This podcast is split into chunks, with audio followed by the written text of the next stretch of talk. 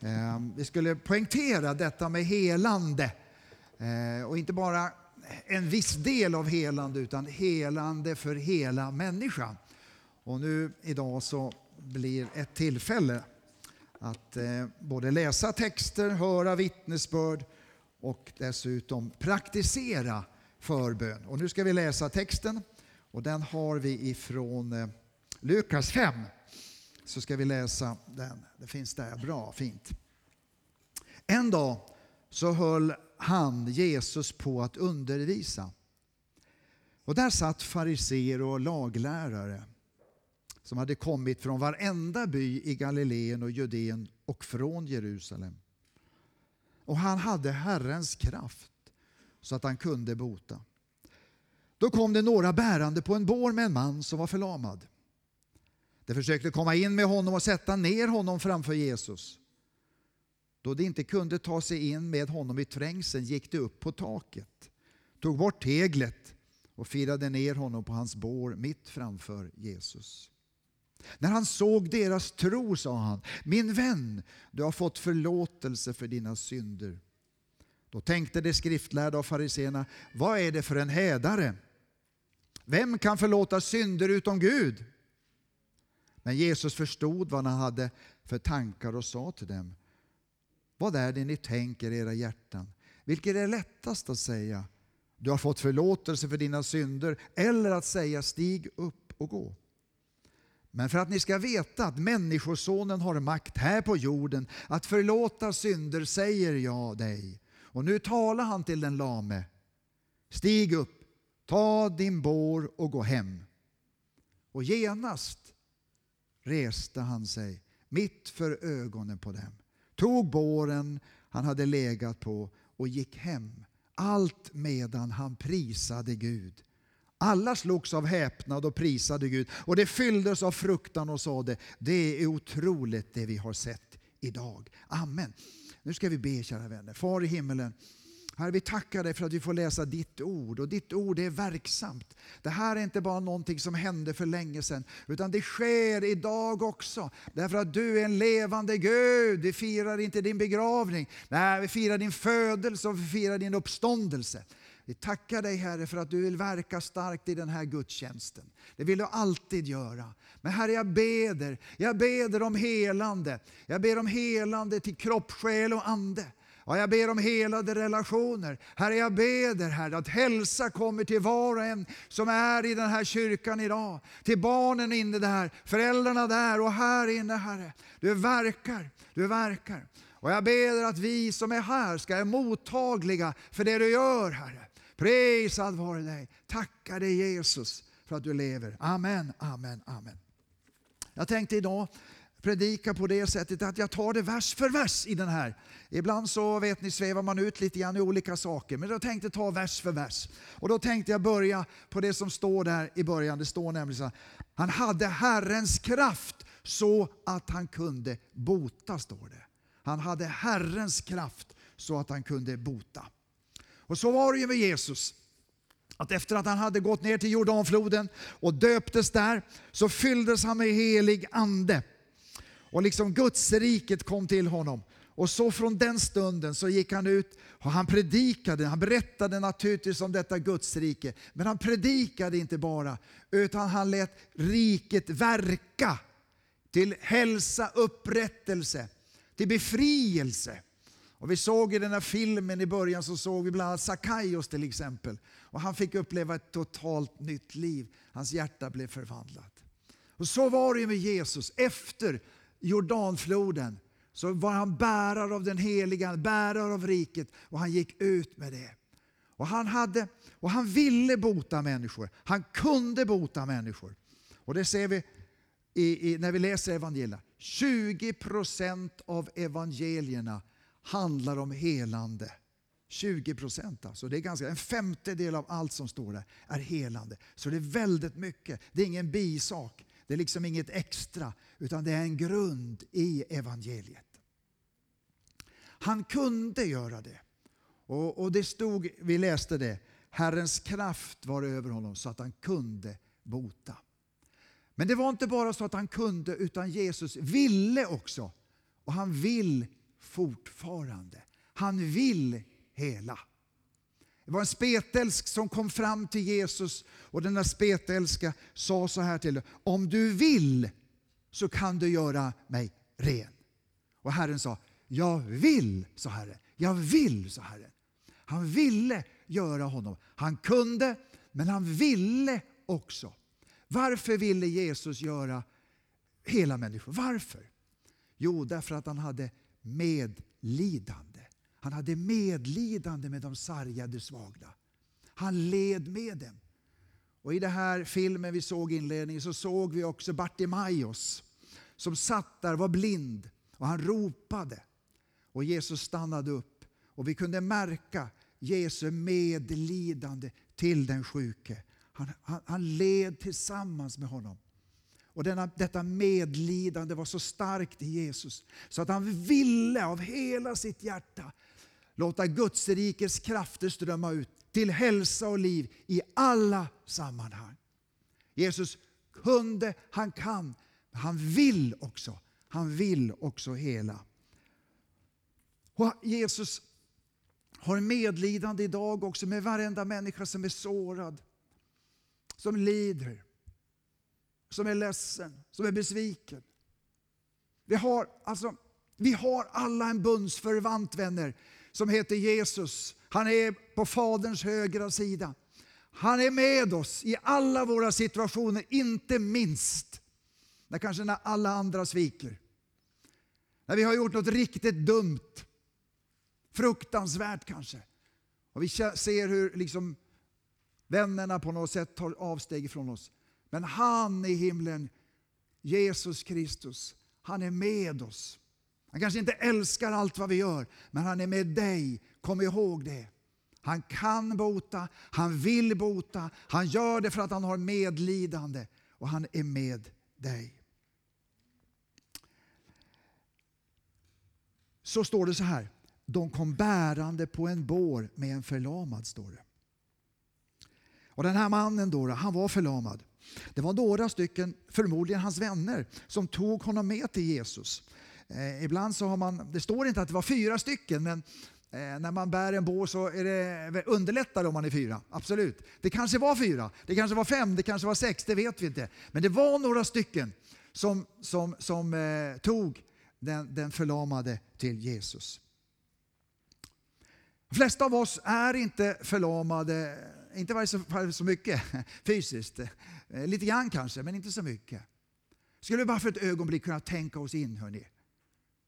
Hur tror ni det är att vara totalförlamad? Att bara liksom kunna, inte röra på tårna, benen, bäckenet, magen, armarna. Möjligtvis kanske röra något på huvudet, blinka, använda munnen lite grann. Men för övrigt inte kunna röra sig. Vara totalt beroende av andra människor jämt. Ja, visst. Att, ehm, för försörjning naturligtvis. Men inte bara försörjning. Utan om jag skulle ta mig till toaletten. Om jag skulle på något sätt vilja röra mig. Vara beroende hela tiden att någon, några hjälper mig. Ständigt, ständigt, ständigt, ständigt, ständigt. Verkligt beroende kan man säga. Så var det med den här mannen. Och så hade han levt, vi vet inte hur länge, kanske under lång tid. Kanske. Ingen här inne är, är, är så förlamad. Men vi kan ändå vara förlamade. Och det syns inte utifrån. För vi kan vara förlamade i vårt inre. Man kan vara förlamad på så många sätt. Till exempel av rädsla och fruktan. Att vara förlamad av fruktan. Jag är så oerhört rädd. Och det enda jag tänker på är den här rädslan på något sätt. Eller vara, att vara handikappad att vara lam, förlamad av ilska och hat. Jag hatar så otroligt mycket. Den där personen eller det där som hände. Jag hatar det så enormt. Och så fort det här så fort jag blundar så kommer den här personens ansikte eller den här händelsen framför mig. Och det gör mig alldeles kall och stel. Jag blir som förlamad. Jag kan inte tänka på någonting annat. Jag skulle vilja göra det. Men jag kan inte tänka. Så fort så kommer det här hatet på något sätt. Och det, det fångar mig. Det förlamar mig totalt. Förlamad av en kris. Livet går på, allting leker, går jättebra. Helt plötsligt så säger det stopp. Någonting händer med mig, med min familj eller någonting sånt här som gör att oj, jag har hamnat i en kris. Oj. Och jag blir totalt förlamad. Vad är det som händer? Vad är det som sker? Jag kan inte fungera för övrigt. Fast jag har en kropp som fungerar. I tanken liksom. Tanken så kan man tänka så här att vi kan tänka 360 grader. Vi kan tänka liksom runt. Va? Vi kan tänka normalt sett så kan vi tänka så. Men i en krissituation eller inte så, så smalnar det här av så att det blir bara några procent. Vi bara kan tänka på en enda sak. Så är det med fruktan, så är det med hat, så är det med ilska. Allt det andra på något sätt det försvinner bort. Det är bara den här saken som är mal hela tiden, gång på gång på gång. Det har ägt rum någonting i ett liv, mitt liv. Jag ser inte möjligheterna, utan bara det här. Bara det här. Och det förlamar mig som människa. Det förlamar mig totalt som människa. Så kan det också vara med oförsonlighet. Ni vet när ouppklarade relationer. Och det, det, det, att det strular till sig i relationer, det, det, är så oerhört vanligt. Och, och, och, Det kan liksom växa på något som ett berg. Så det är bara det jag tänker på. Vi hade besök här i fredags kväll eh, på Kvällsmackan av Janne Blom. Några av er som är här, ni var med då. Men jag vill berätta lite grann vad han berättade. Därför att det, det, hör, till, det hör till det här. Janne Blom är ju pastor på Livets Ord. Han berättade öppenhjärtigt om, om sin uppväxt i ett hem där alkoholen flödade.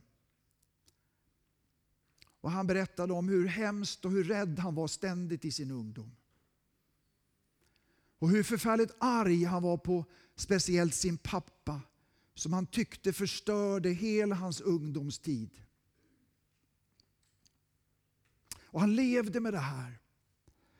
Och, och, Det blev ju så i hans ungdom också att han liksom ville göra revolution. Och några som han särskilt hatade, det var Livets ordarna. De hatade han speciellt. Men det var bara det att han kom i kontakt med dem ständigt och jämt på stan och överallt. Och Det här gjorde honom så, så irriterad och arg alltså. Så han hatade Livets ordarna. Och han gjorde bus, och det kanske var mer än bus han gjorde på, på, på lokalen också där. Men i alla fall så kom han till tro och blev frälst. Och kom med i Livets ord. och, och liksom livet utvecklade sig i en väldigt positiv riktning. Men det var en sak som skavde i hans, i hans liv. Och det var den ouppklarade relationen till pappa. Och fast han, det gick väl för honom med familj och han blev pastor på Livets Ord och allt det här. Så var det ändå det här, han kände liksom att det var någonting som, som stoppade upp hans liv. Och det var relationen till pappa. Och han visste inte hur han skulle göra. Men så blev pappa mycket dålig. Han fick höra talas om det för kontakten med pappan hade, hade varit mycket, mycket sällan. Och så fick han höra talas om att pappan hade blivit dålig, han fick en cancer. Och Då tänkte han jag ska besöka pappa. Och Det var precis på slutet när han var jättedålig. Han bad om få ett tillfälle, men han fick inte kontakt med pappa. Men han stannade kvar på sjukhuset. Han stannade kvar där vid sjukbädden. Och han bad till Gud, ge mig, ge, mig, ge mig en möjlighet att få prata ut med min far när han är i livet. Och så vaknar pappan till. Han tittar upp på honom. Är du här Janne?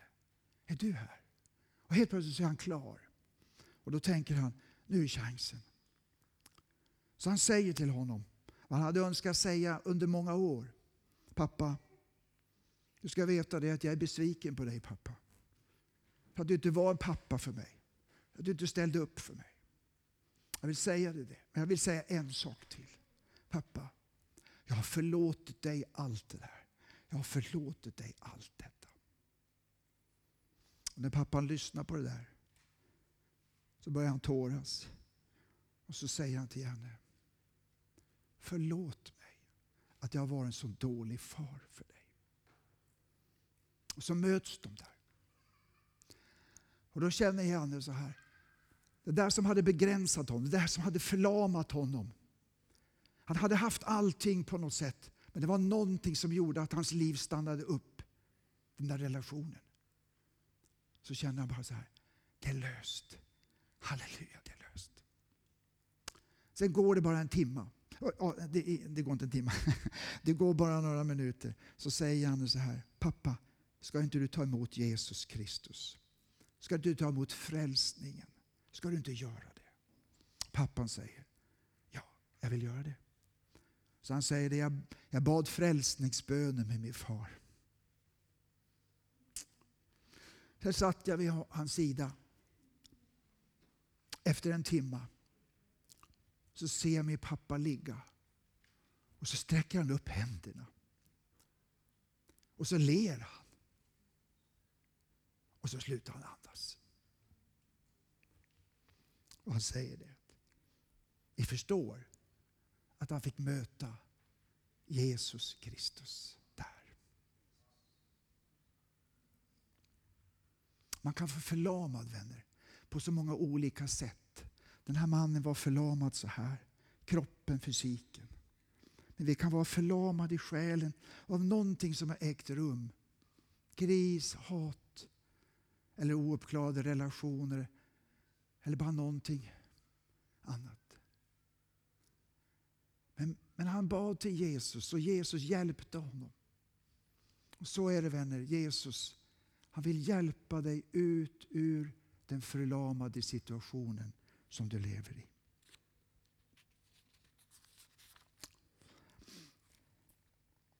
Vi hade besök av Lena Maria för några veckor sedan här i kyrkan. Eh, en del av er vet lite grann om henne. Men hon har, föddes utan armar, med ett och ett halvt ben kan man säga. Och när jag, jag fick chans att umgås lite grann med henne före där vi åt mat tillsammans och vi pratade och så här. Hon är verkligen handikappad. Men vilken glädje, vilken utstrålning. Hon, hon levde för fullt 360 grader, verkligen. Så det kan man göra fast kanske fysiken inte funkar riktigt så kan man ändå leva obegränsad utan förlamning på allt sätt. Vi ska gå vidare i texten. Och så står det så här. De gick upp på taket och firade ner honom mitt framför Jesus. Och Det är väl det, det här som de flesta kommer ihåg av den här berättelsen tror jag när man läser berättelsen så tänker man, ja just ja, det var ju den där berättelsen om när, när de gick upp på taket. Alltså, ja. Och för oss eh, nordbor kan det tyckas väldigt konstigt att göra det, men vi vet ju att taken var platta och man använder det som en uteplats många gånger. De gick upp på taket, men det var ju så mycket folk där framför. Och de trängde sig igenom folkmassan men de kunde inte komma in till Jesus. Men de gav sig inte utan de, de tog den förlamade upp, upp en trappa och dessutom så tog de bort teglet där uppe och de gjorde ett hål och de sänkte ner honom. De gav sig inte på något sätt. Varför gjorde de inte det? Därför att de hade tro på Jesus. De hade tro på Jesus. Och nu kommer vi till den här, den här, den här berättelsens kärnpunkt. Det var genom tron på Jesus som de här fyra hämtade den här förlamade mannen en gång. Kanske långt borta, kanske de hade gått i många dagar, det vet vi ingenting om. Men det var i tro på Jesus, att Jesus skulle förmå hela, så gick de och hämtade. De tog honom med sig hela vägen genom folkmassan, upp på taket, gjorde hål och sänkte honom ner. Allt gjorde de av tro på Jesus Kristus. Och då står det så här. När han såg deras tro sa han till den förlamade, dina synder är dig förlåtna. Han såg deras tro. Är tro viktigt vänner? Är det det? Är det viktigt att äga en tro? Vad säger du om det? Är det viktigt att ha en tro? Mitt svar, det vet du. Ja, det är viktigt att äga en tro. Alldeles oerhört viktigt. Vad är då, vad är då tro? Är det som att pumpa upp sig, ungefär som man pumpar en ballong? Jag ska tro, jag måste tro, jag måste tro lite till. Är det så tron växer? Ja, det förstår vi. Nej, det växer ju inte på det sättet. Hur växer tron då? Låt mig säga att tron är som en välbrukad åker. En del lantbrukare har höstsått för ett tag sedan. Men innan de gjorde det, kanske tog skörden först för året, plöjde upp åkern, harvade den, brukade den väl. Och när de hade gjort det, förberett den, så kunde de beså. Och sådden, den kom till den välbrukade åkern och där började kornen gro och så började de spira. Därför att det fanns en välbrukad åker. Tron. Ibland så kan det vara som en betongplatta. Visst kan man så på en betongplatta. Men det gror inte och det blir ingen skörd. När Jesus var i Nasaret, sin uppväxtstad, så när han kommer till Nasaret så berättar han om Guds rike.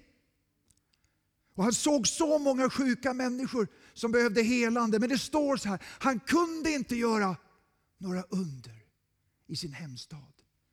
För det fanns ingen tro. Det var ingen tro där. Det var som ett betonggolv. Tro, helande som Jesus ger. För Jesus vilja är helande. Han ger det hela tiden. Det tar vi emot genom tro. Ja, visst. Han ger och vi tar emot. Men om vi inte tar emot, fast vi behöver, så kan inte han hjälpa oss. Vi måste ta emot i tro. Och då måste vi fundera, vad, vad är tro då? Och jag var inne lite grann på det alldeles nyss. Det handlar inte om att pumpa upp sig. Det handlar inte om att på något sätt försöka peppa upp sig. Utan tron är mera som en frukt. Frukter växer på ett träd av sig själv. Det gäller bara för trädet att se till att det får näring. Att det får näring genom rötterna, att bladen hämtar solljus och värme. Och när allt det här sker så bara blir det frukt på trädet. Så är det med tron. Att när du och jag när vi kommer till gudstjänst på söndagen eller när vi, när vi slår upp vår bibel och när vi läser ordet. När vi står upp eller sitter ner och sjunger lovsång och prisar Herren och ärar honom. Ja, när vi älskar Jesus. Då är det som att frukt, trons frukt den växer starkt i våra liv. När vi, liksom, när vi, när vi ägnar tid i bön och förbön när vi samlas omkring Jesus. Det är därför vi inbjuder hela tiden som församling. Kom till Jesus. Vi har samlingar, vi har gudstjänster, vi har predikningar, vi har bibelstudier, vi har alfakurser. Vi har alla möjliga samlingar och allt handlar om inbjudan. Kära du, kom nära Jesus. För vi vill hjälpa dig. Ja, visst kan du göra det på egen hand. Absolut, det kan du. Bra, gör det. Men vi vill hjälpa dig att vara nära Jesus. Varför? Därför att tron i ditt liv ska växa och mogna. Ja, visst. Därför att tron är den största rikedom som en människa kan äga. Det hjälper inte om du är rik som Petter Stordalen. Det hjälper inte. Saknar du tro så finns det ett tomrum som man bara jagar efter att fylla. Pengar, karriär, goda vänner. Det är bra på, många sätt. Men tron Det är det, det är det absolut viktigaste och det rikaste som en människa kan äga. Tro! Och tro det liksom kommer inte bara. Men tro kan vi få genom att vara nära Jesus. Lyssna, tala, älska, följa. Bara vara i, hos honom. Att stänga till allting annat. Att bara sätta sig ner i en mjuk fåtölj eller en skrivstol eller stå upp och gå omkring och bara prata med Jesus. Ta en promenad, bara du och Jesus och så pratar ni. Och du får vara ärlig och uppriktig. Du förstår, Jesus han, hör, han håller för att höra allting. Alla dina frågor och funderingar. Du kanske tänker så här att om du ger Jesus och Gud kritik så blir han ledsen på något sätt. Han blir inte det. Han är tacksam för att du är ärlig. Och när du går där och berättar hur du ser på tillvaron, dina problem och frågor och allt det, men också glädje och tacksamhet. Du bara ger det till Herren. Så växer gemenskapen till Jesus. Och tron föds. Tron föds. Jag är så glad att det står i den här versen, när han såg deras tro. Är inte du glad över det? När han såg deras tro. För ibland så kommer vi till det läget vänner, att det är så hopplöst och svårt och mörkt. Så vi orkar inte tro, vi kan inte tro, vi förmår inte tro. Tron har plockats av på något sätt. Genom kanske år av lidande. Inte så att vi har sagt till Gud, jag vill inte ha med dig att göra. Men det är bara det att vi är nollställda på något sätt. Så är det många människor som upplever.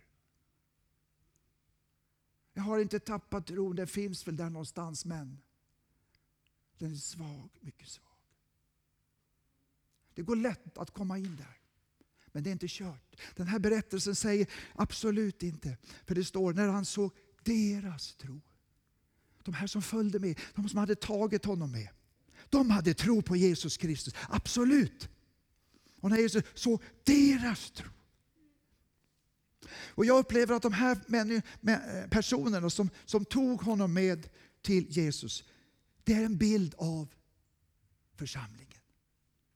En bild av församlingen. Församlingen, kyrkan, där finns det tro. Även om inte jag orkar tro just nu, situationen är så svår och besvärlig, jag orkar inte. Så finns tron i församlingen. Ja, visst, det finns där. Och vi ska göra precis som de här fyra. Vi ska ta med människor allt vad vi kan till församlingen. Till gudstjänster, till bibelstudier, till olika samlingar där ordet predikas. Där Jesus kommer fram. Det är det vi ska göra vänner. Och då sker det under. Det sker oväntade under. Jag vet inte om den här mannen, förlamade man, hade en egen tro på Jesus. Det är ingenting som berättar. Man blir vad man äter. Ät Jesus. Var nära honom och din tro kommer. När han såg deras tro.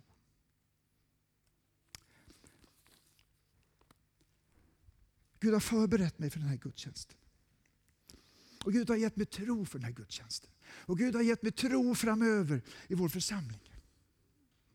Gud har gett mig tro att under och tecken helande. Men inte bara begränsat område, utan i, i sin hela och fulla skala. Herren vill, Herren vill det. Och Herren vill ge detta. Och när vi tar emot så får vi uppleva hur, hur den helande kraften också kommer till oss. Så går vi vidare i texten. Du har fått förlåtelse för dina synder, säger Jesus. Och låt mig säga, det är det, det, är det största helande som överhuvudtaget finns. Och Janne Blom sa det i, i fredagskväll, han sa det, när han gick ifrån det där, det där mötet med sin far på slutet. Så sa han det, det största sa han, det var att pappa ändå tog emot Jesus. Det var det största. Och det är det största helandet vänner, när vi får vår synd förlåten. Smutsiga blir vi, men vi kan inte rena oss själva. Men det finns någonting som kan rena oss och det är Jesu blod. Jesu blod kan rena varje människa. Det spelar ingen roll hur smutsigt och eländigt det är. Jesu blod, vänner, förmår hela. Det var precis som skedde med den här förlamade mannen. Dina synder är dig förlåtna. Jesus tog över skulden som han sen sonade på korset och blodet rann. När han hade tagit emot förlåtelse för synd så säger Jesus, stig upp, ta din bädd och gå hem. Och då känner han, när han hör de här orden, det här är omöjligt. Men så, men så bara prövar han att orden får liv i honom på något sätt. Och han prövar att göra det Jesus säger. Och så känner han ju hur musklerna, benen bär honom och han kommer upp. Han blir helad. Jag har ett litet märke på min, mitt högra pekfinger. Det är ett väldigt litet märke. Det var för en 14 dagar sedan jag var ute i garaget och skulle borra. Och så slant borren. Jag vet inte om ni har gjort det någon gång. Min borr slant och den kom rakt in här i fingret. Ja, inte rakt igenom, men på sidan ordentligt. Så att det blev ett eh, ganska djupt sår där. Jag var ute i verkstaden, hittade ett plåster och satte om det där. Sen var det inget mer med det. Men det gjorde så förtvivlat ont. Jag förstod inte det efter en vecka. Varför gör det så otroligt ont där? Och då tog jag upp det här plåstret. Det var ganska skamfilat vid det laget kan jag säga. Så tittade jag lite grann där och då såg jag att det var mycket smuts där. Så jag, jag, jag, jag tog på mig förstoringsglas och så rengjorde jag såret så gott jag kunde. Jag hade på lite sprit och sådär. Och så dröjde det inte länge förrän såret helnade. Det helnade. Smutsen kom bort. Och så blev det ett helande. Jag tror det är en princip. Princip. En naturlig princip och det är en övernaturlig princip. Att det kan finnas smuts i våra liv. Men när vi kommer till Jesus så vill han ge oss förlåtelse. Och när vi tar emot förlåtelse i ödmjukhet så böjer vi oss inför honom och säger Herre, kan du tvätta mig ren? Ja, jag tar emot, jag tar emot ditt blod Jesus. Och när vi gör det vänner, så börjar helandet också ta form i våra liv. Det kan vara fysiskt, det kan vara själsligt, det kan vara andligt, det kan vara många olika saker. Men det börjar hända någonting i våra liv. Mannen lyssnade och omedelbart så blev han helad. Många av oss som är här känner till vår missionär som heter Rado Mirza i Rumänien, Deva. En del av er har träffat honom. Han berättade ganska länge sedan, men så blev jag påmind om det här.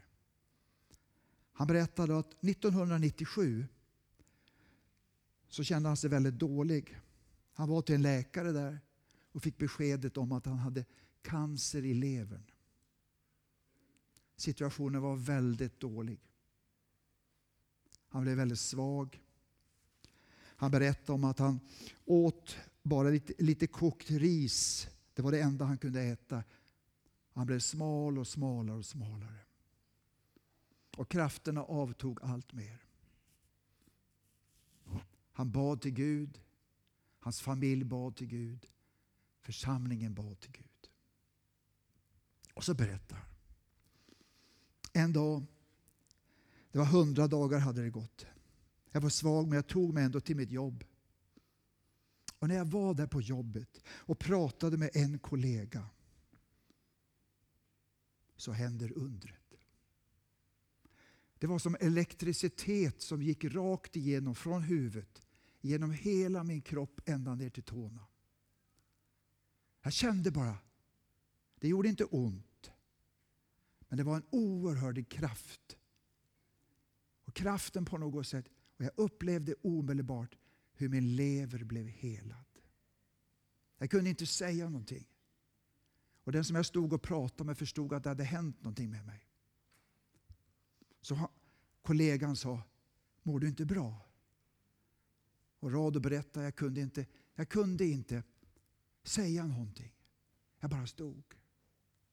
Efter en minut eller några minuter så bara kände jag hur krafterna på ett övernaturligt sätt återvände till mig. Kollegorna blev väldigt oroliga för mig, vad som hade hänt. De trodde jag var nära att dö. Så de sa åt mig, åk hem, sa de. Åk hem, åk hem.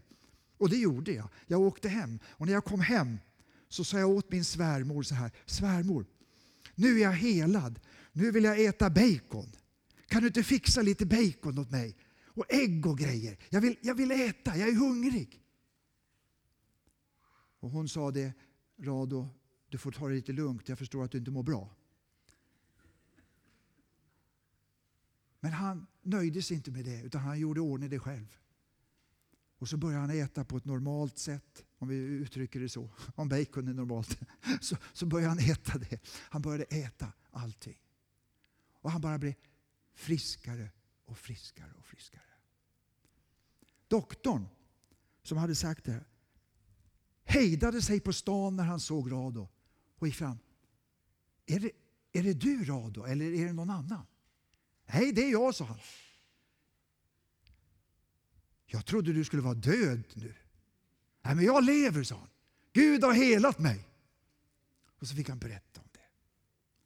Det var ett omedelbart helande på sekunden, på minuten. Precis som för den här mannen. Det sker idag, vänner. Det sker idag. När vi är i Indien många gånger och predikar och förkunnar Jesus så finns också den där trosmiljön.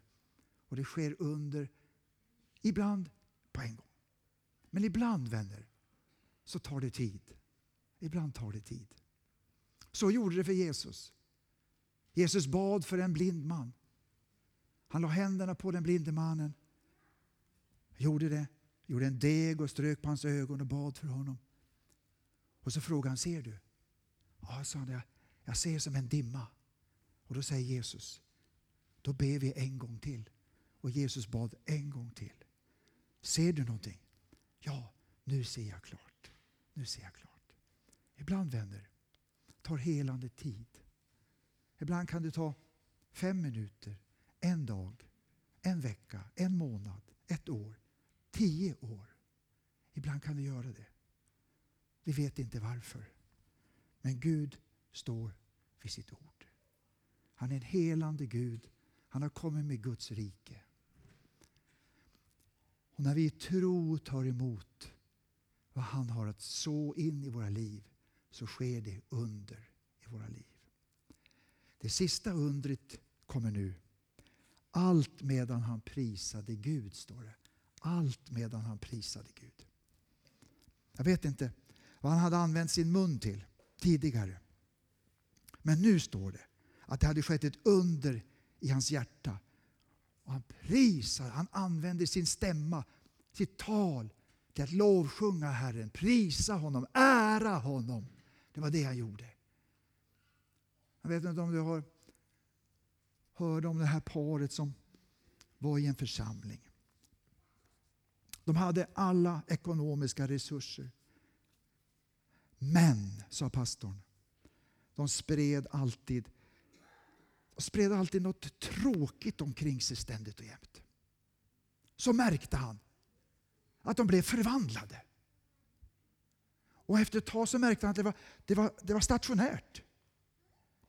Istället så uppmuntrade de det här paret, alla människor. Och han frågade dem, vad är det som har hänt med er?